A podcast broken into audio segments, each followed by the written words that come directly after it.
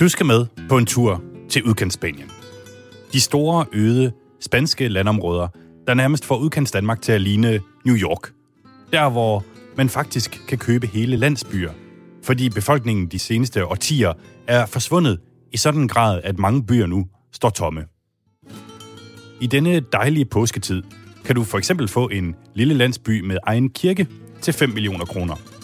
Det kigger vi nærmere på senere i programmet, hvor jeg taler med en spansk ejendomsmaler, der specialiserer sig i forladte byer.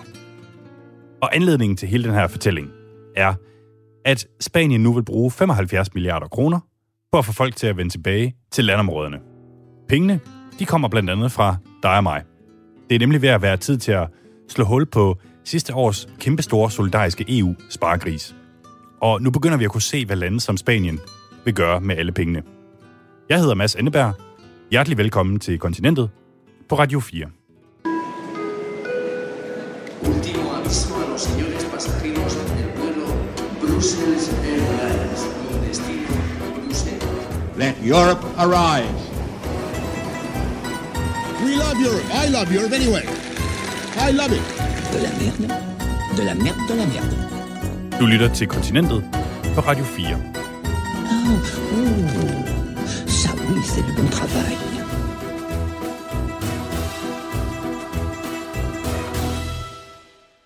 Lad os starte med at få en fornemmelse af, hvordan det ser ud i udkantsspanien. Jeg hedder Erik Jensen, er journalist på Politiken og har været korrespondent i Spanien og øh, beskæftiget mig meget med Spanien og holder utrolig meget af Spanien. Og hvad er sådan din, øh, din historie med Spanien? Jamen altså, min historie med Spanien er jo, at ligesom alle mulige andre mennesker øh, har været glad turist i, i Spanien hele mit liv. Ligesom så mange andre har jeg jo øh, opsøgt de, de dejlige spanske kyster med Middelhavet. Men så på et tidspunkt, da jeg var på en øh, ferie i Spanien, så tænkte jeg, hvad er der egentlig inde bag? Jeg var et sted, hvor man nede i Andalusien, hvor man kunne kigge ind på sådan nogle bjerge, og så tænkte jeg, hvad er der inde bagved?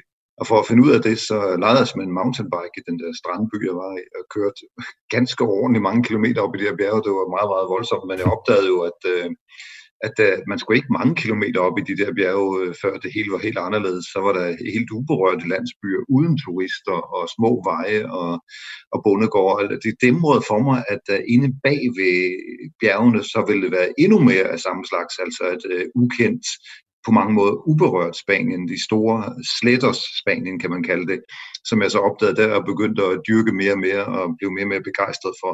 Fordi øh, det er klart, at Middelhavet og kyststrækningerne har så indlysende tiltrækningsværdier, det er der, vi alle sammen søger hen, men det der inde bagved, det er altså spændende. Og det er det inde bagved, som det skal handle om i dag. I Spanien kalder man det La España Vacía. Det tomme Spanien. Ja, det er virkelig en reel ting. Det er sådan, at, øh, at øh, på 50 procent af det, af det spanske areal, altså halvdelen af landet, der bor kun 5 procent af befolkningen, altså forsvindende lidt, kan man sige. De fleste mennesker i Spanien bor jo langs med kysterne, og så selvfølgelig i store byerne, som, som Madrid, der jo ligger inde i landet, men når man for eksempel bare kører, eller sige fra Malaga til, til Madrid, eller fra Barcelona til Madrid, som jeg har gjort masser af gange, så, så kører du igennem kolossalt øde strækninger, røde, røde stepper, altså, øh, så, så oplever du jo netop det der, altså det er, det er helt vildt tomt. Altså der, der er nogle øh, gårde selvfølgelig, nogle farme, øh, og så er der øh, kolossale områder, hvor der simpelthen ikke er noget som helst. Vi har også øh, udkantsdebatten i Danmark. Øh, nu er jeg for eksempel selv fra, fra Vestjylland, og kan også skrive under på, at Nå, det er også også en ting. Øh, er du også det? Ja, jeg kommer fra Stavning. Okay, jamen, så kan vi jo begge to øh, skrive under på, at øh, det er en reel ting i Danmark. Men Det kan jeg love dig. hvor meget, hvor meget skal man gange det op for at få en fornemmelse af, øh, hvad skal man sige, de, de spanske provinsområder?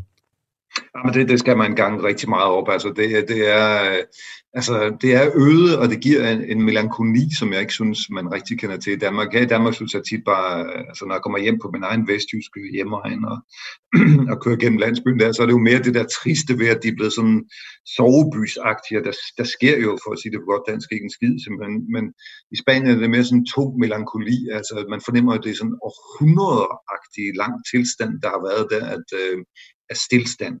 Og det giver sådan en melankoli også i befolkningen, som vi jo ofte forbinder med, øh, sådan øh, fiesta, og øh, at nu skal vi have sherry, og nu skal vi have alle mulige andre øh, sjove drinks, og det der strandliv, men som jo egentlig slet ikke er det spanske liv. Inden lige snart man kommer, som sagt, væk fra kysterne og ind i landet, så ligger der faktisk nærmere sådan en, en tung øh, melankoli over det hele, som man jo også kan fornemme i den meget, meget gamle roman om Don Quixote og hans kamp mod vindmøllerne inde i det her øde øh, Spanien. Og den melankoli, synes jeg på en meget måde er dybt fascinerende. Det er jo også den tror jeg, at øh, flamenco-musikken har sit afsæt i. Altså den her sådan lidt ensomme følelse, hvor som flamencoen jo skilter sig så glimrende med de her ensomme akustiske spanske guitarer, som, øh, som klinger så, så smukt netop i, i sammenklang med, med, med, den her, øh, med de her øde områder.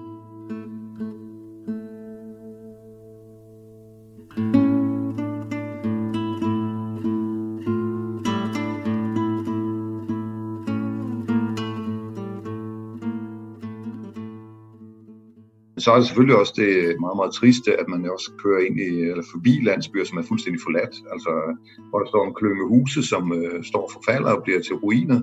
Og dem er der altså rigtig mange af. Man, man har jo i Spanien gjort det, at man simpelthen satte dem til salg på et tidspunkt for 10-15 år siden, fordi der var så mange af dem.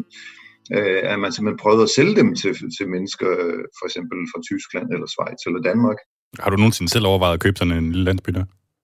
Det har jeg faktisk som, med en god tysk ven, som er meget mere øh, dygtig til at snedgerere sådan noget end jeg.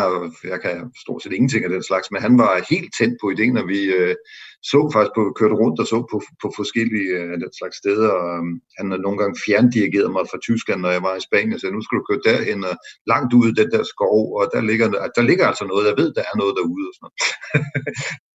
men det blev også aldrig til noget, desværre. Okay, Jamen, du, du kan nå det nu, vil jeg sige. Øh, det, jeg tror, vi skal også tale med en ejendomsmælder, som, øh, som netop øh, udbyder de her øh, tomme, ja, tomme byer. Og øh, hvad kan vi sige, en af grunden til, at vi tager det her op, det er jo så fordi, at den spanske regering nu vil bruge en god del af deres genopretningspenge, så noget, der ligner 75 milliarder kroner, til at bekæmpe affolkning i landdistrikterne. Hvorfor er det i hele tiden noget, som spanierne gerne vil kæmpe imod? Spanien vil gerne kæmpe imod det her, fordi man siger sådan i Spanien, at vi kommer jo alle sammen fra en landsby. De anerkender ligesom landsbyen som et øh, mentalt og vigtigt begreb, at man jo også kan se på øh, deres store filmskaber, Pedro Almodovar og hans film, der er jo ofte et, de mennesker, som er i de film, har jo meget ofte et udgangspunkt i landsbyerne. Nogle gange skildrer han også øh, landsbyerne eller de små steder. Så, så i Spanien har landsbyen øh, mentalt en meget central placering i, i spanernes hjerte. Og derfor vil man altså på en måde gerne bevare dem, og derfor er der den tristhed over, at det er gået, som det er gået, at de er blevet forladt. Øh, det har været mere attraktivt at søge ind mod storbyerne, hvor man kunne få arbejde, og øh, folkevandringen fra Andalusien op nordpå mod, øh, mod for eksempel Barcelona, hvor der bor masser af mennesker fra Andalusien, er, er meget central for alt det her, for forståelsen af, som en længes tilbage til sin, til sin landsby og, og den slags ting. Det, det ligger meget dybt i den spanske kultur.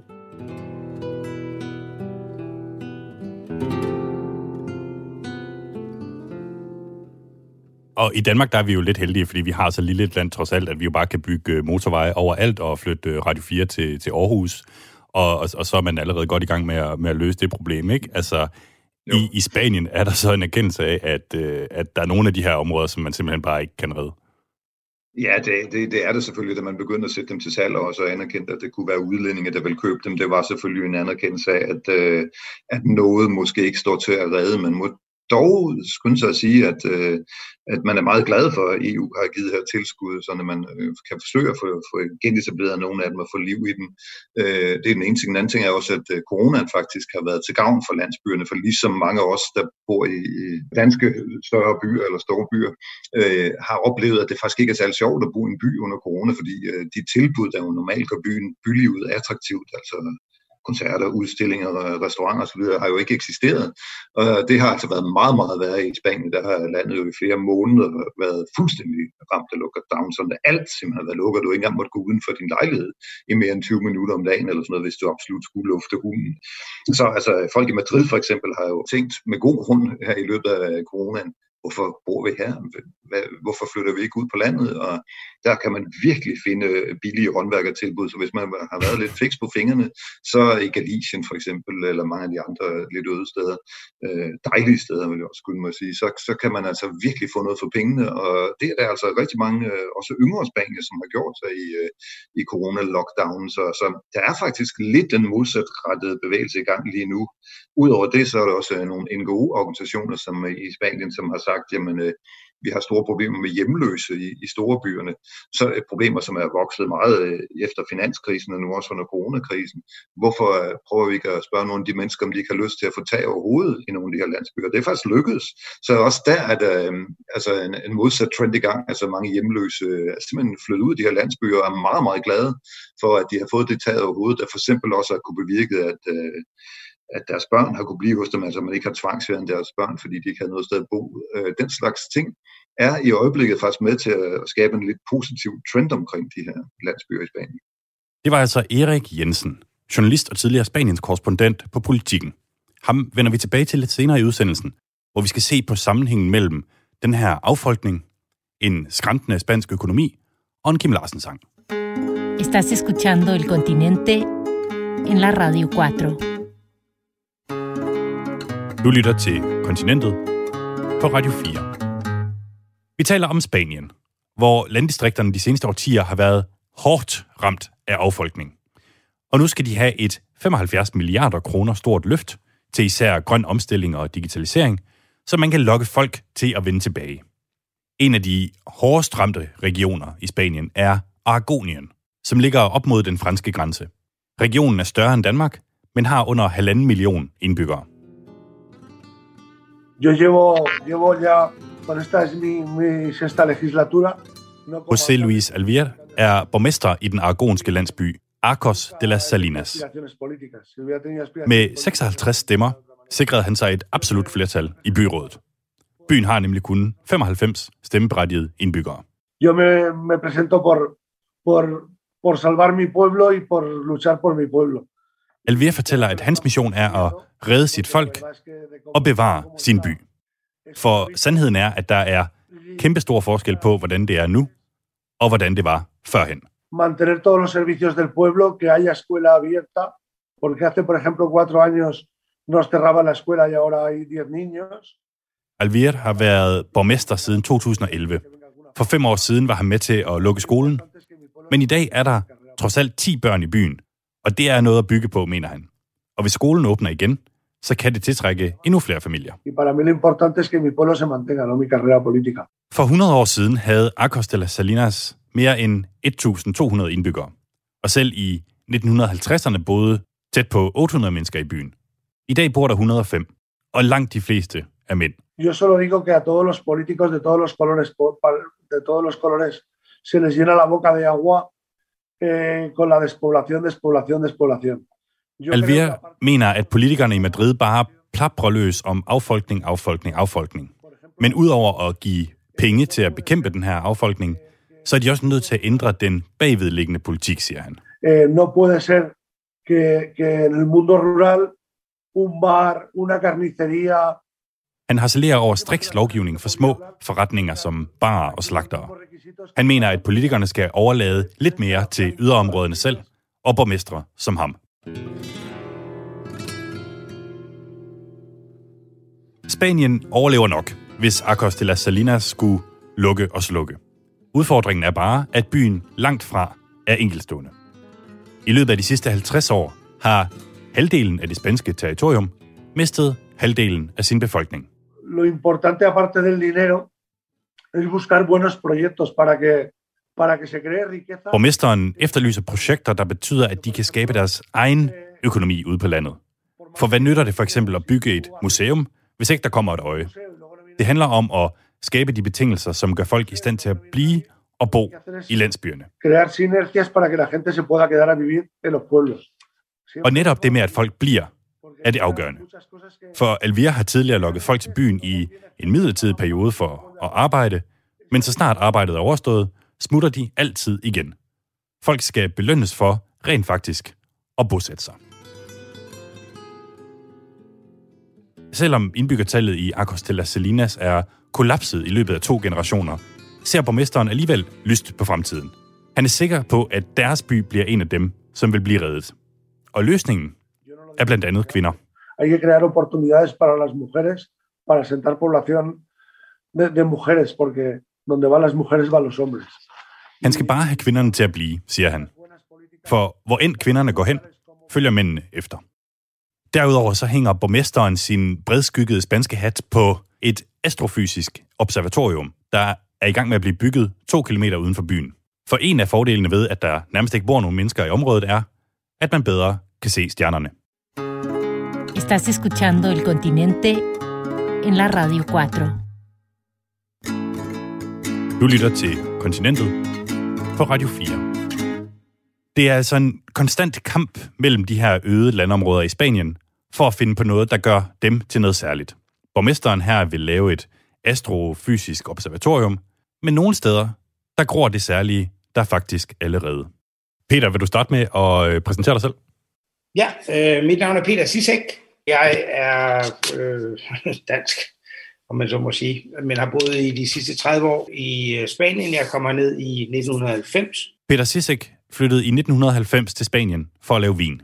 Noget, som han havde lært hos sin onkel i det franske vindistrikt Bordeaux. Peter Sisek dyrker og opdyrker det tomme Spanien. Ja, det må jeg sige. Ja, nu har jeg, jeg har en vingård nede i Andalusien, som jo er et af de største, største forladte områder, man så må sige. Han har to vingårde ude i det spanske Ingemandsland, en i Andalusien og en to timers kørsel nord for Madrid, hvor han også bor til daglig. Det er super flot og kæmpe storslået og, og store vider. Jeg, kan, jeg står og kigger ud af vinduet her og kan se øh, nærmest 100 km væk, der ligger bjergene nede, øh, øh, som, som adskiller det nordlige øh, Spanien fra det sydlige øh, og ned mod Madrid. Og hvorfor var det lige Spanien, du øh, endte med at slå dig ned i som, øh, som vinbund? Jamen, det, det, det, det, hver gang jeg vågner op om morgenen, så tænker jeg det samme. Det var det, what the fuck? Jeg kunne da, jeg kunne da, jeg kunne da have valgt så mange andre steder. Men det er jo lidt det, der sker. Altså, jeg var sådan ung og ude af Lamborghøjskolen, og jeg, skulle, jeg var faktisk på vej til Kalifornien. Det var sådan lidt sådan, jeg tænkte, ah, go west, my boy. Og så øh, var der lige min onkel, nogle af hans venner, de havde, de havde, øh, de havde et projekt i Spanien, hvor de manglede nogen mand. Og jeg tænkte, ej, lige bruge et par måneder i Spanien. Øhm, og lære lidt spansk og sådan noget. Det ville sikkert være godt i Kalifornien, hvor de alle sammen talte spansk også. Men jeg kom sgu aldrig til Kalifornien. Jeg blev her. Peter Sisek valgte at blive i det tomme Spanien. Og han laver nu en af Spaniens mest berømte vine, som har høstet stor anerkendelse over hele verden. Den hedder Pingus. Og det, det kommer fra en lille mark på 4 hektar. En gammel vingård, der er plantet i 1929. Det er jo ikke mig, der laver Pingus god. Altså det er, meget, det er, jo, det er jo jorden og jordbunden og, og det sted, hvor, hvor, hvor drue, øh, vinstokken lige står, som gør, at det bliver en rigtig god vin. Jeg ville jo ønske, at jeg havde meget mere end de der fire fucking hektar. Det ville da være rart. Men det har jeg ikke. Øhm, jeg kan godt lide, at tingene er lavet ordentligt. Og jeg mener, at vin, vinmag, øh, vinlavning, ligesom så mange andre ting, det er et håndværk. Øh, Sådan en vin, som min, den kan jo nemt komme op i, i 1000 eller 1500 euro flasken. Over 10.000 kroner. Men det er ikke, fordi jeg nødvendigvis sælger den til den pris. Det ville have været ret, ret hvis jeg gjorde. Vinen har i det hele taget været redningsplanken. Ikke bare for Peter Sisek, men for hele området. Jeg vil meget gerne fortælle en rigtig, en rigtig, en rigtig pæn historie. Det er, sådan, det er jo virkelig helt vildt pæn historie. Da jeg, øh, da jeg kom til Spanien her for 30 år siden, så ret hurtigt, der, øh, jeg kom med min kone, og øh, vi var helt unge og nyforelskede, og det var videre. Og øh, vi fik ret hurtigt to børn. Øhm, to søde piger, og øh, de skulle i skole i den lokale landsby. Det er sådan en lille landsby på cirka 300 mennesker. Men der var sådan en landsbyskole, men der var tre i den landsbyskole. Der var tre. øhm, sidste år fortalte min kældermester, som nu selv er blevet gammel nok til at få børn og ting og sager, øhm, at øh, hans barn går i den landsbyskole, og nu er der, nu er der 30 i den landsbyskole. Og det betyder jo, altså sådan helt automatisk, at de unge er blevet på landet. Og det er jo simpelthen, fordi der er opstået flere og flere vingårde og ting og ting. Så man har, man har skabt en, en, en, en, en, en, en, et, et grundlag, som gør, at de unge de bliver på landet, og ikke flytter ind til byen. Og den succeshistorie mener han sagtens, man kan overføre til andre steder. Det, det oplever man jo over hele Europa. Det er jo ikke kun i Spanien, man, man oplever tomme landdistrikter. Altså, det, hvad det, udkants Danmark kalder I i Danmark, ikke? Når man lidt kører lidt derud vestpå, det kan godt være, det kan godt være sådan, at tænker, huh, det er godt nok langt til, til et eller andet. Ikke? jo, det er der 100 procent. Øhm, og det er jo forfærdeligt, når, når øh, i gamle dage, hvor der var kale på gården, og der var tjenestepiger, der var ting og sager, selv på små gårde, hvor der skal jo mange til at hjælpe for, at en gård kan fungere. Øhm, og det har man været så sindssygt dygtig til at effektivisere så meget. Så nu kan en enkelt mand rende rundt med, to, med 20.000 grise. Altså prøv lige at forestille dig, hvor ensom og sindssygt man kan blive af at rende rundt ene mand med 20.000 grise. Det må jo fandme være værd at være i, i, i et fængsel. Altså det må være forfærdeligt. Og, og, og når man har effektiviseret tingene så, så, så, så gralt og så voldsomt, som man har været i stand til at gøre øh, i det moderne landbrug, så mister man jo fuldstændig det, der er livet øh, på landet. Så, så hvordan kan man komme ud af den der forfærdelige hurdle med, det er selvfølgelig at komme tilbage og acceptere, at tingene ikke nødvendigvis skal være så sindssygt billige. Det kan jo ikke være meningen, at man kan gå ned og købe en halv meter øh, flæskeside i, til 30 kroner nede i supermarkedet. Det er jo fuldstændig, fuldstændig forfærdeligt. Alt for billigt. Køb noget kvalitet, og sørg for, at folk de kan, de kan, de kan, de kan lave en ordentlig virksomhed ude på landet, så man kan få noget, noget liv ude på landet. Det er virkelig det, der er vigtigt. Og det er i Danmark, og det er i Spanien. Det er nøjagtigt det samme problematik. Peter Sisek mener også, det er dybt nødvendigt, at den spanske regering nu kaster endnu flere penge efter de affolkede landområder. Simpelthen for at understøtte dem, der vælger livet på landet. Men altså, der, der, skal, der skal økonomi til, fordi hvis der ikke er penge, så kan du ikke have folk. Og, og jeg synes, en af, en af de ting, hvis hvis, hvis du er arbejdsgiver på landet, så er det fandme din forpulede pligt at sørge for, at du har så mange folk ansat som overhovedet muligt.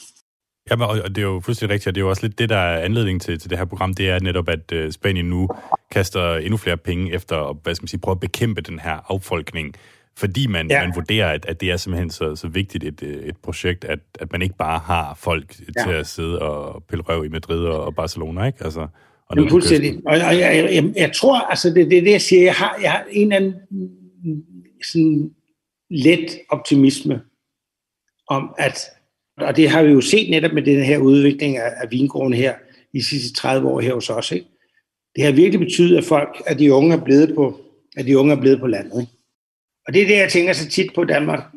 Altså, hvordan søren kan man ligesom opfinde en eller anden måde, hvor Danmark er så dygtig landbrugsmæssigt, og tænker sig, hvorfor kan vi ikke begynde at lave verdens bedste grøntsager? Hvorfor kan vi ikke lave verdens bedste bacon? Hvorfor kan vi ikke lave verdens bedste smør? Altså, hvorfor skal, hvorfor skal alt, hvad man laver i Danmark, det skal bare være det bedste til prisen? Det er da røvsygt. Og der er jo ikke råd til nogen ting, når man gør det på den måde. Det kunne være rart, hvis man kunne sælge et kilo blomkål til 10.000 kroner. det kommer nok ikke til at ske. Men slog mig, om der ikke var et sted i Danmark, hvor man kunne producere en brødhvede, der var helt fantastisk og meget bedre end nogen andre steder i Danmark. Og man måske kunne få et par kroner mere per kilo hvede. Øhm, det kan godt være, at det er sådan et fantasiprojekt, men jeg har set det her i virkeligheden. Over 30 år har man fået de, de unge til at blive, og skolerne er fyldt af børn. Estás escuchando El Continente en la Radio 4. Du lytter til Kontinentet på Radio 4. Det var altså Peter Sisek, som i igennem 30 år har boet i det tomme Spanien, men som ser en positiv udvikling. Ikke mindst på grund af den vin, som han og de andre i området dyrker. Vi vender tilbage til Spanien lige om lidt. Men først skal vi have en god nyhed. Måske hørte nogen af jer vores udsendelse fra slutningen af februar, hvor det handlede om den sorte Madonna. Eller rettere nogle klistermærker af den her Jomfru Maria-ikon med en LGBT-regnbueglorie, som havde skabt stor furore i Polen, da de blev sat op i en lille polsk by i 2019 og ledt til en retssag mod de tre kvinder bag. Jeg havde lovet, at I derude kunne få en kopi af de her originale samfundssplittende klistermærker fra 2019, og de er nu endelig ankommet fra Polen. Jeg står og frankerer de aller sidste breve nu til jer, der gerne vil have sådan en.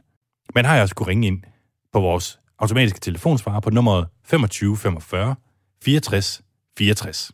Som for eksempel Lasse her. Vildt spændende program om Polen og øh, den katolske figur med øh, regnbueflaget. Øh, sådan en klistermærke vil jeg gerne have. Hej igen. Og Jarl. Ja, det er Jarl Hayes.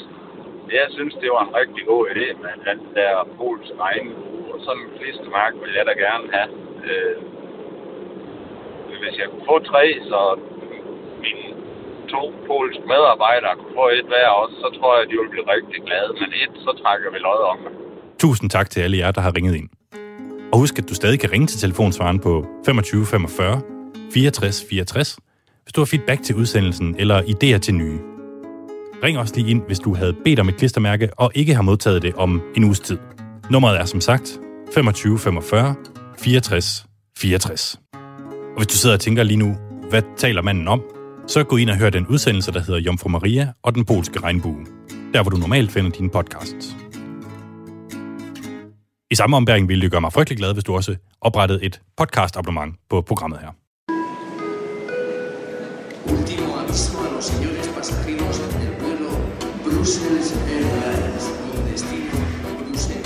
Let Europe arise. We love Europe. I love Europe anyway. I love it. De la merde, de la merde, de la merde. Du lytter til Kontinentet på Radio 4. Oh, oh, ça oui, c'est du bon travail.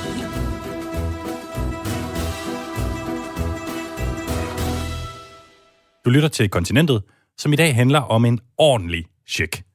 75 milliarder kroner, der snart er på vej til de spanske udkantsområder. Pengene de stammer fra EU's genopretningsfond og skal sparke gang i en del af Spanien, som har været på permanent siesta i årtier. Eller det vil sige, mange steder er der ikke engang nogen tilbage til at holde siesta. Pues desde 60.000 euros hasta 80.000 euros, hasta 120.000 euros, ya tenemos una buena aldea. For et sted mellem 500 og 900.000 kroner får du allerede en god landsby. Ordene kommer fra Elvira Fafian, en ejendomsmaler, der får danske udkantsmalere til at ligne glade amatører. Hun sælger hele landsbyer, og det er endda til en pris, som jeg umiddelbart tænker er helt okay. De 120.000 euros, una aldea que ya se puede vivir. Ya hay establecido una forma de vida. For 900.000 kroner kan du helt sikkert få en landsby, hvor der allerede er etableret alle nødvendigheder. Du kan flytte direkte ind, og der er ikke brug for at renovere noget, siger hun. Til sammenligning koster den billigste lejlighed i Aarhus C lige nu omkring 995.000 kroner. En etværelses på 22 kvadratmeter. eh, cuando uno viene del mundo rural y se tiene que venir a la gran ciudad, como nos ha pasado a muchos, pues tiene la mente de volver o bien de hacer algo por estas aldeas que prácticamente están vaciadas. Elvira kommer selv fra landet. Og hun fortæller, at hun, ligesom så mange andre, flyttede ind til storbyen, men nu tænker på at vende tilbage til landet.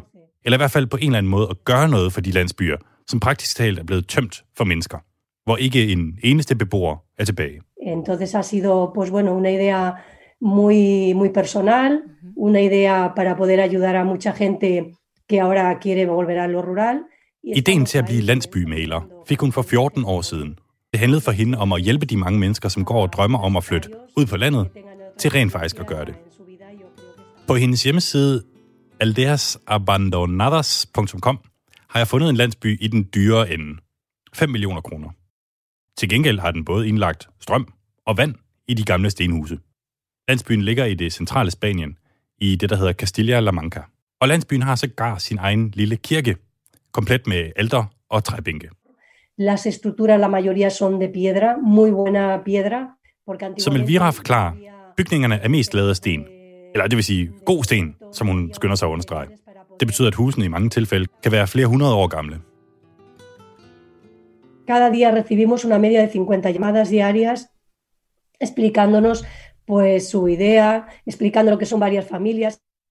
Elvira og hendes kolleger modtager i gennemsnit 50 opkald om dagen fra folk, som ønsker at sætte en landsby til salg. Det kan skyldes splittelse i familien, eller særligt i de her coronatider, et ældre familiemedlem, som er gået bort. Eh, mucha gente pues que realmente no quiere vivir ahora en el campo porque quiere dar un... Der er rigtig mange mennesker, som ikke længere gider bo på landet. Og som Elvira siger, bag hver eneste landsby, der bliver sat til salg, gemmer der sig en interessant historie. Antiguamente había mucho apego y no se podían vender estas propiedades. Eh, las tenían ahí porque les daba pena y también estaba mal visto. Tidligere, fortæller hun, kunne du slet ikke sælge en landsby. Folk var knyttet til dem og følte med de folk, der stadig boede der. Man blev ganske enkelt set ned på, hvis man satte sin landsby til salg. Men tiderne ændrer sig. Tenemos colgadas prácticamente 4.500 aldeas. Eh, bueno, Lige nu har Elvira 4.500 åbne sager. Det drejer sig om landsbyer, borge, paladser og klostre. Praktisk talt alt, hvad der nogensinde er blevet bygget ude på landet i Spanien, kan du købe. Faktisk fandt jeg i Aragonien et borgtårn fra det 12. århundrede. Og det er endda sat ned fra 4 millioner kroner til 2,5. Bueno, hace unos siete años atrás era, mm, la mayoría eran extranjeros de todas las nacionalidades, de prácticamente de todo. Nos llegaban de Reino Unido, nos llegaban de suizos, alemanos, Dinamarca, de todos los países. Tidligere var alle køberne udlændinge. De kom fra Storbritannien, Schweiz, Tyskland og sågar Danmark. Elvira fortæller om en dansk mand, der for nogle år tilbage købte en landsby for at bygge den om til et pensionistparadis. På det seneste er der også spanier, der er begyndt at købe de her landsbyer. Og uanset hvem der køber dem, så håber Elvira på at kunne opnå store resultater. Que ese médico rural que no se nos vaya, que esa escuela que no cierre, que ese pequeñito ayuntamiento At udkantslægen forbliver i sin praksis, at skolen ikke lukker, og at friske kræfter træder ind i byrådene, så byerne lige pludselig kan få asfalteret deres veje. Og som hun siger, få indlagt elektricitet og vand. Y eso es lo que queremos que esas aldeas también, cuando vayamos por cualquier provincia de España, eh, tengan vida. Jeg tænker jo straks, vi har billige spanske landsbyer til salg, og der er en masse EU-penge på vej. Det må da være nu, at man skal slå til og købe sådan en gammel borg eller en lille landsby med en kirke. Men Elvira, hun siger is på. Dels så kommer der til at være en masse krav fra EU om, hvad man kan bruge pengene på. Og så er det måske heller ikke nogen, vi kommer til at se lige forløbig. Estás escuchando El Continente en la Radio 4. Du lytter til Kontinentet på Radio 4. Alt det her. EU-pengene, som Spanien har så hårdt brug for. Folk, der søger mod byerne for at få arbejde. Det handler jo dybest set om økonomien i Spanien, der selv inden coronakrisen havde det svært. Så hvordan går det nu med den spanske økonomi? For at få svar på det, så vender vi lige tilbage til Erik Jensen, journalist og tidligere Spaniens korrespondent for politikken. Ej, ah, det, den ser jo virkelig skidt ud. Det er jo klart, at Spanien er et land, der i meget høj grad lever af turisme, og det har som, som bekendt øh, været fuldstændig udelukket de sidste års tid. Så det er kæmpe, kæmpe, kæmpe tilbageslag for, for spansk økonomi. Øhm, og som du selv var inde på, den arbejdsløshed, der jo virkelig fik øh, luft under vingerne i, i finanskrisen for 5, 6, 7 år siden, den er, er jo stadigvæk desværre meget gældende, og også ikke mindst øh, den uhyggelige høje ungdomsarbejdsløshed gør jo, at, øh, det er, at spansk økonomi er meget belastet og det spanske samfund som helhed, er selvfølgelig også meget belastet af, at det er sådan. Så derfor øh, er man meget, meget glad for, at EU har, har både været villige til at hjælpe dengang, ligesom man jo også forsøgte at gøre under finanskrisen, den, dengang dog mest med, med lån. Det var jo i Angela Merkels storhedstid, at hun er jo en sparsomlig dame, som mener, at øh, man, man må klare sig selv, og så kan man få lov at låne nogle penge. Det kunne både Grækenland og Spanien og Italien jo konstatere i finanskrisen. Men den her gang er der altså også øh, helt konkrete tilskud, og det, det hjælper selvfølgelig enormt meget, at man for eksempel kan få etableret et vejnet hen til de her landsbyer, så at man rent faktisk kan komme, kan komme frem og tilbage til dem. Hvad er sammenhængen mellem den her økonomiske situation og så affolkningen? Jamen altså, den er jo helt enkelt, at øh, man øh, i, i mange år og tiger øh, har kunne sidde i sin landsby og se, jamen jeg, jeg kan ikke, når jeg vokser op her, kan jeg ikke få noget job øh, jeg må videre, jeg må simpelthen ind til byen og, og lede efter job, eller tage til Tyskland, som rigtig mange unge spanier, og for den sags skyld også her til Danmark, gjorde under, under finanskrisen. Øh, man forlod sin landsby og tog til udlandet, simpelthen som, som en slags fremmedarbejder, for at bruge det gammeldags udtryk. Men, øh, men der har der altså også været en lidt modsatrettet tendens i de senere år, hvor man har fundet ud af, ja, men det kan da godt være, at jeg kan få lov til at rende rundt og sælge pølser på Alexanderplatz i Berlin for eksempel, men det er altså virkelig meget, meget lavsige lønninger og, og meget vanskelige arbejdsforhold. Så der er også mange unge spanier, der, nej, vi tager altså hjem. Erik Jensen endte med at skrive en bog om Spanien efter finanskrisen, som hedder Spanien Manjana. Håber, vi får i morgen med. Hvis du bare lige skal forklare titlen på den bog, du, øh, du har skrevet om Spanien. ja. Øh, Jeg blev sendt til Spanien som korrespondent i, øh, 2000 og der var finanskrisen absolut på sit højeste. Jeg oplevede dagligt øh, både Barcelona, at folk blev sat ud af deres hjem. Altså, der var virkelig en deprimeret stemning og sat ud, fordi de ikke kunne betale regninger. Der var en øh, stor historie med en dame, der valgte at springe ud fra syvende etage, da, da foden ringede på døren nedenfor, og så landede hun altså lige ved siden af, af fodens folk der, som kom for at sætte hende og familien på gaden. Altså, det var sådan ligesom stemning, den var pænt presset i 2012. Jeg blev sådan set sendt derned for egentlig at skildre primært spansk kulturliv, men opdagede hurtigt, at, at det gik ikke. Altså, de her menneskelige historier gik alt for meget ind på mig. Folk øh, fik øh, levet som en øh, hjælpepakker for, for Spansk Røde Kors, som egentlig skulle være gået til ulande, men, men som man altså i stedet for måtte give sin egen befolkning. Det var, det var situationen, og man kan selvfølgelig sige sig selv, at stemningen var der efter i det her ellers øh, i det her land, hvor, som har en befolkning, som egentlig er temmelig ukulig efter så mange år med, med et fascistisk diktatur under Franco. Så er spanierne vant til lidt af hver, og de er også øh, pænt hårdføre, når det handler om at bevare det gode humør.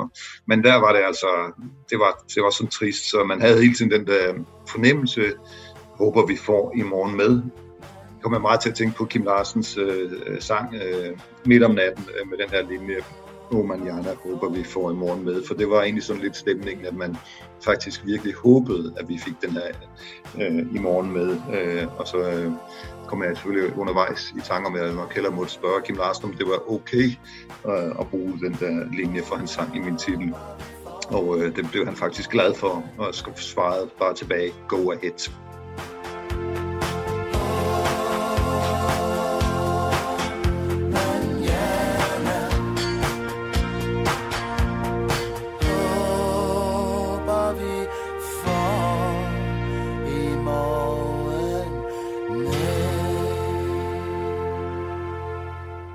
Hvor jeg bare lige øh, hører, altså, øh, går det den rette vej i forhold til, at de får i, i morgen med?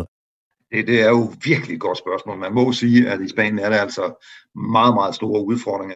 Spanien øh, skal fortsætte med at være et moderne land, og de skal fortsætte med at se frem og ikke tilbage mod, øh, mod Franco-tidens metoder, hvis, hvis det her skal lykkes, og det håber jeg selvfølgelig, at det gør, men, men der er virkelig store vanskeligheder, fordi at øh, landets sammenhængskraft er, er kraftigt udfordret af den her økonomiske krise. Så der er meget, meget, meget store udfordringer for Spanien. Jeg tror, vi kun kan håbe på det bedste, og så jo virkelig øh, den hjælp fra Nord til Sydeuropa, det, det er i hvert fald en af de ting, der kan, der kan gøre det muligt for Spanien at, at klare den her kæmpe store krise. Erik, tusind tak. Det har været sindssygt interessant, og altid rart at møde en uh, fellow udkantsdansker. Absolut. Super cool. Tak skal du have. Ja, det er mig, der tager. Og held og lykke med det, Mads. Ja, tusind tak. Hej. Hej igen.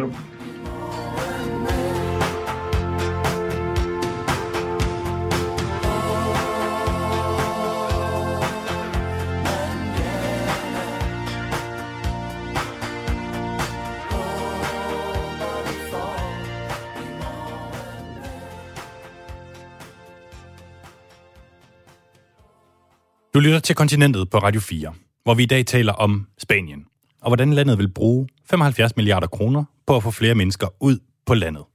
Pengene, som der skal bruges her, kommer fra EU's genopretningsfond. Det er en håndsrækning eller en omfordeling i størrelsesordenen 3.000 milliarder kroner. Det var det helt store samtaleemne i EU sidste år, og den fik ikke for lidt fra aftalens fransk-tyske bagmænd Emmanuel Macron og Angela Merkel – da den faldt på plads i sommer. Eine Antwort auf die größte Krise seit Bestehen der Europäischen Union gegeben. Un sommet dont les conclusions sont véritablement historiques. Det var solidarisk, det var historisk, det var svaret på den største krise nogensinde for unionen. Og det var selvfølgelig i høj grad til ære for lande som Italien og Spanien, der til sammen står til at få næsten 40 procent af alle pengene. Et beløb, der er så højt, at hvis du vil tælle det krone for krone inden i morgen, skulle du være startet i istiden. Kan du se mig? Nej, det kan du ikke. I, det kunne jeg faktisk lige, da du spurgte. Nu skulle jeg være der igen. Er ikke det? Det er du nemlig. Det her er Lykke Friis, direktør for Tænketanken Europa, som har undersøgt, hvordan de enkelte lande vil bruge deres penge. Men jeg startede med at spørge hende, hvorfor det nu var, at pengene kom på banen i første omgang. Jamen, årsagen til, at man blev enige om den her astronomisk høje øh, genopretningsfond, det var jo, at øh, man simpelthen kunne se på de økonomiske tal i Sydeuropa, at de var så hårdt ramt af coronaen, at man var nødt til at komme med en ekstraordinær indsats. Og, og det var simpelthen den der angst for, at bunden ville ud af de her økonomier, der gjorde, at kansler Angela Merkel ændrede en, ja, en årtier lang tysk position, som var, at EU ikke kan optage gæld i fællesskab, og hvis man overhovedet skal låne penge, så skal man betale tilbage øh, krone for krone eller euro for euro. Øh, og, og derfor kom man altså bare i den situation, hvor man sagde, at det her er en ekstraordinær situation, og derfor skal man også ty til et ekstraordinært middel, netop genopretningsfonden. Og det er jo faktisk cirka et år siden, at de her penge først kom på tale. Hvor langt er vi egentlig med at få dem udbetalt? Ah, der er jo stadig et godt stykke, fordi øh, en ting er, at man får det vedtaget på topmødet i juli, men så skal alle lande jo så godkende det, altså nationale parlamenter skal godkende det. Der var sådan, at det danske øh, folketing nåede det øh, lige, øh, lige inden påske, øh, og, og min optælling viser, som jeg lavede i Tænketanken, at øh, der, er, der er et godt stykke endnu for, at alle lande så har, har godkendt og for at pengene så for alvor kommer ud at rulle, så kræver det så, at alle lande skal udarbejde en plan, en genopretningsplan, og den skal de have udarbejdet inden den 31. april, og så skal kommissionen og ministerrådet øh, sende, øh, se på den, undskyld, og det vil sige, så skal man altså et godt stykke ind i efteråret for, at pengene så begynder at rulle. Det her var et kæmpe sats fra EU's side, som endnu ikke er i mål. Og nu kommer altså den afgørende fase, hvor det begynder at stå klart, hvad de enkelte lande vil bruge pengene på. Og også hvordan de vil overholde kravene til, at store dele skal bruges på klima og digitalisering. Generelt synes jeg sådan set, at, at øh, vores kortlægning viser, at øh, størstedelen af landene overholder de der overordnede principper om, at pengene skal gå til, til klima og energi og så digitalisering så er det klart, øh, så er der jo også en del af, af, af de her planer, der har fået kritik, den tjekkiske, men også den tyske, for, at der ikke altid er tale om nye projekter, at man så at sige, altså også tager skuffen, og, og så tømmer man op på skrivebordet, så her har vi de her projekter, som vi har manglet noget finansiering til, øh, nu har vi den finansiering, nu, nu kører vi, altså, eller sågar endnu værre, at man så bare siger, okay, her er noget, vi har vedtaget anyway, så prøver vi så på at bruge den finansiering til så at, at gennemføre det ved. Så det er noget, som kommissionen kommer til at, at se se på. Øh, så der er i hvert fald et kritikelement øh, der, øh, som selvfølgelig også er afgørende, fordi skal det skabe nye arbejdspladser og vækst, så skal det jo også være nogle, skal det altså også være, være nye projekter. Og så er det klart, så er nogle ting, man godt kan, kan grine lidt af. Nogle steder er der også afsat penge til, til sports øh, sportsfaciliteter. Øh, det, det er måske så lige udkanten af, af, hvad skal vi sige, af formålet. Men så Belgien, det synes jeg var meget, meget inspirerende. De havde jo så afsat betydeligt øh, millionbeløb så til, altså euro til, øh, til jo så at, at lave flere øh, cykelmotorveje. Og det er klart, det er jo en del af grøn transport, så, så, så den er jo sådan set mm. inden for skiven. Skulle du være medvind på de uh, cykelmotorveje også, uh, melder historien nu? ja, det kan tænkes, ja. Vi talte sammen for et par måneder siden, hvor uh, du blandt andet sagde, at det bliver afgørende, om landene rent faktisk kan finde ud af at bruge alle de her penge, også så de får en reel effekt. Hvordan ser det ud med, med, med det, på det du har set indtil videre? Jamen, det er jo stadig en udfordring, for man kan jo sige, at øh, track recorden er ikke specielt god. Det er svært at, at omsætte de her penge. Øh, det har det i hvert fald været for Italien øh, generelt. Så den, den helt generelle udfordring med at få, øh, få brugt pengene til, til de rette initiativer, den, den er der, øh, og, og den er der jo ikke blevet, øh, blevet ændret øh, på. Så er der selvfølgelig også en anden udfordring, det er, at øh, igen, hvis det, kom, hvis det går hurtigt i det der dilemma, vi lige var inde på før, mellem at pengene skal skal bruges på den rigtige måde, og så skal det jo så også øh, gå, gå hurtigt, så pengene kan hjælpe på det, som er mest brug for dem. Og der er det jo sådan, at hvis der om nogle år viser sig, at der ikke kommer nok ud af de her penge, så er det jo klart, så vil nogle lande så sige, og det gælder også blandt andet også Tyskland, så var det her en indgangsfornøjelse, øh, så de skal vi da ikke kaste os ud til noget igen. Så derfor er der ret meget på spil, fordi Frankrig blandt andet øh, har jo ønsket sig, at den her øh, genopretningsfond skal blive permanent, så på den måde også får en slags økonomisk øh, omfordeling internt i den europæiske union. Så, så der er altså også det mere storpolitiske aspekt i, øh, i genopretningsfonden, og derfor er det vigtigt at holde øje med den. Et af argumenterne for at gøre det her fra, fra dansk side, selvom det strengt taget, hvis du ved, ved første øjekast kunne, kunne ligne en dårlig forretning for os, har jo været, at Danmark øh, vil ende med at få kæmpe gavn af, at de andre lande kommer på fod, og at de andre lande skal bruge, bruge alle de her øh, penge. Nu kigger vi i dagens program specifikt på, hvordan Spanien vil bruge 75 milliarder kroner på at bekæmpe affolkningen på landet. Hvad får Danmark ud af det? Ja, det kommer jo an på, hvordan affolkningen på landet så skal gennemføres. Altså, det kan jo også godt være ved digitalisering, for eksempel. Øh, og der har Danmark der i høj grad noget at, at byde på. Øh, så, så det kan jo være et bud, men ellers må man jo sige, at den, den spanske plan jo er gennemsyret, ligesom alle de andre jo så er, at, at størsten af penge skal gå til klima, energi og til digitalisering. Så, så der er der jo kolossale perspektiver øh, for dansk erhvervsliv, også i Spanien.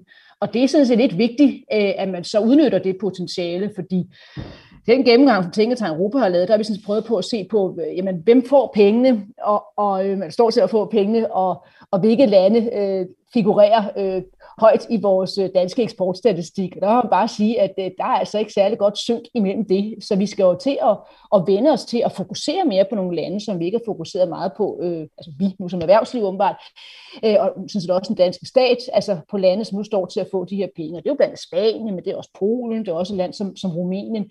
Så på den måde er der, kommer der jo ikke nogen nogle due flyvende ind i munden på os. Man skal ud og arbejde hårdt for det, øh, og det kræver så også, at man, man simpelthen får rykket nogle ressourcer rundt, også i, den, øh, i, i det gamle danske eksportråd. Lykke Friis, mange tak. Ja, det var slet. Estás escuchando El Continente en la Radio 4. Du lytter til Kontinentet på Radio 4. Nej, der kommer ingen due flyvende ind i munden på os danskere her. Så hvis de danske virksomheder skal have noget ud af, at de andre lande nu skal på shoppingtur på for eksempel klimafronten, ja, så skal de på en charmeoffensiv. Og den er faktisk så spot ved at blive sat i gang. Jeg hedder Anders Ladefod, jeg er underdirektør og europapolitisk chef i DI. Dansk Industri logger lige nu på deres hjemmeside med, at man kan få del i EU's coronamilliarder. Sammen med Udenrigsministeriet har de nemlig sat en mindre gruppe mennesker i gang med at nærstudere, hvad de andre lande vil bruge pengene på og hvordan de danske virksomheder kan komme til fadet. Vi kan hjælpe med til at øh, få fat i og analysere den spanske plan, eller den italienske plan, eller den franske plan, altså alle de her nationale genopretningsplaner, som de enkelte lande skal sende til kommissionen, for om så må sige at få godkendt, ja, her er et budget, hvor vi bruger penge til. Så har vi nogle kolleger, som er gode til at lave markedsudviklingsarrangementer og som ved, øh, hvordan de rammer de mest relevante virksomheder med et tilbud, som de kan bruge til noget. Øh, og på den måde så har vi teamwork mellem forskellige kompetencer i DI, som, som forhåbentlig kan resultere i, at vores virksomheder øh, bliver opmærksom på mulighederne. Den her matchmaking var de dog nødt til lige at fokusere en smule, så de ikke skulle sidde og bladre igennem alle 27 landes genopretningsplaner. På den ene side hvor har øh, vi øh, som Danmark eller som danske, danske erhvervsliv nogle styrkepositioner, og på den anden side, hvor tror vi, at der kommer nogle større, øh, sådan virkelig, altså noget med noget, noget, noget øh, omsætning i, øh, rundt omkring øh, i EU. Og det er klart, at så kigger man jo på nogle af de store lande, også nogle af dem, som man ved får mange penge. Og hvad har I indtil videre defineret som, som de store øh, steder, hvor der, der kan være jackpot? Jeg vil sige, sådan et land som Polen er bestemt øh, meget interessant. De sydeuropæiske lande, for eksempel Spanien og Italien, er øh, de, de, de store, potentielt meget store, øh, når du kommer til at nyde virkelig godt af, de her penge. Ja, der er nok ikke helt kubik nok i det beløb, som for eksempel Malta får tildelt. Og så er det også lidt en bøvlet proces, fordi der findes ikke noget centralt sted, hvor danske virksomheder kan søge de her penge. I stedet skal de vente på, at eller andet projekt kommer i udbud ude i det enkelte land. Og det er, jo, det er jo der, man så skal være vågen. Man skal få øje på, hvornår de ordre kommer i udbud, og så skal man, om man så må sige, lægge billet ind på at, blive leverandør. Har I allerede kunne pege nogle virksomheder øh, i den øh, rigtige retning?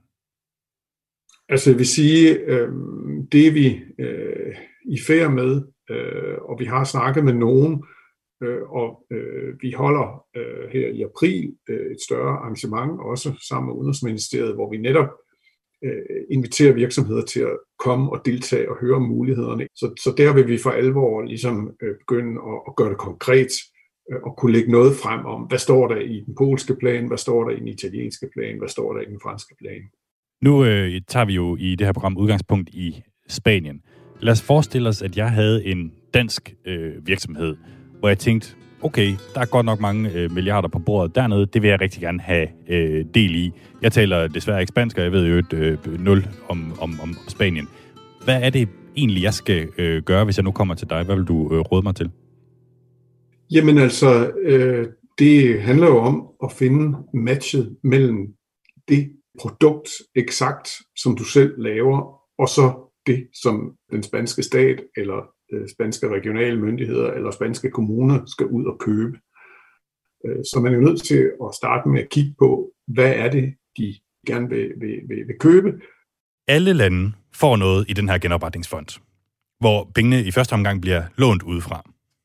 Også Danmark, som står til at få 11,5 milliarder kroner, som regeringen og den støttepartier faktisk allerede i al stilfærdighed har øremærket i forskellige aftaler om grøn genopretning. Men spørgsmålet er, om vi faktisk ender med at få mere ud af de andre landes penge end vores egne. Ja, det tror jeg. De andre landes, altså de beløb, vi taler om der, øh, og det samlede, det er jo mange, mange, mange gange større. Og vi har øh, lavet en, en beregning, sådan lidt slag på tasken, men alligevel, hvor vi tror på, at der i virkeligheden er over 10, øh, snarere 11 milliarder om året over en seksårig periode i eksportpotentiale for danske virksomheder i det her. Så det er alt i alt noget i retning af øh, 66 milliarder kroner, og det er jo meget mere end de penge, Danmark selv får. Der er selvfølgelig nogle virksomheder, der skal spise mere øre her end andre. Anders Ladefod nævner blandt andet energieffektivitet, vand, vedvarende energi og sundhed. Men hvad med de belgiske cykelstier, som blev nævnt lige før af Lykke Friis? Jeg kan da bekræfte, som selv bor i Belgien, at øh, der er ikke så gode cykelstier som i Danmark, så det kan da også sagtens være, at, at danske virksomheder kan se nogle muligheder i det. Det er i hvert fald noget, hvor Danmark også har en ekspertise. Anders, du skal have tusind tak, fordi du gad at tale med mig. Jamen, det var så lidt. Fortsat god dag, og jeg håber, I får nogle øh, gode cykelstier dernede. Ja, tak. Det håber jeg sgu.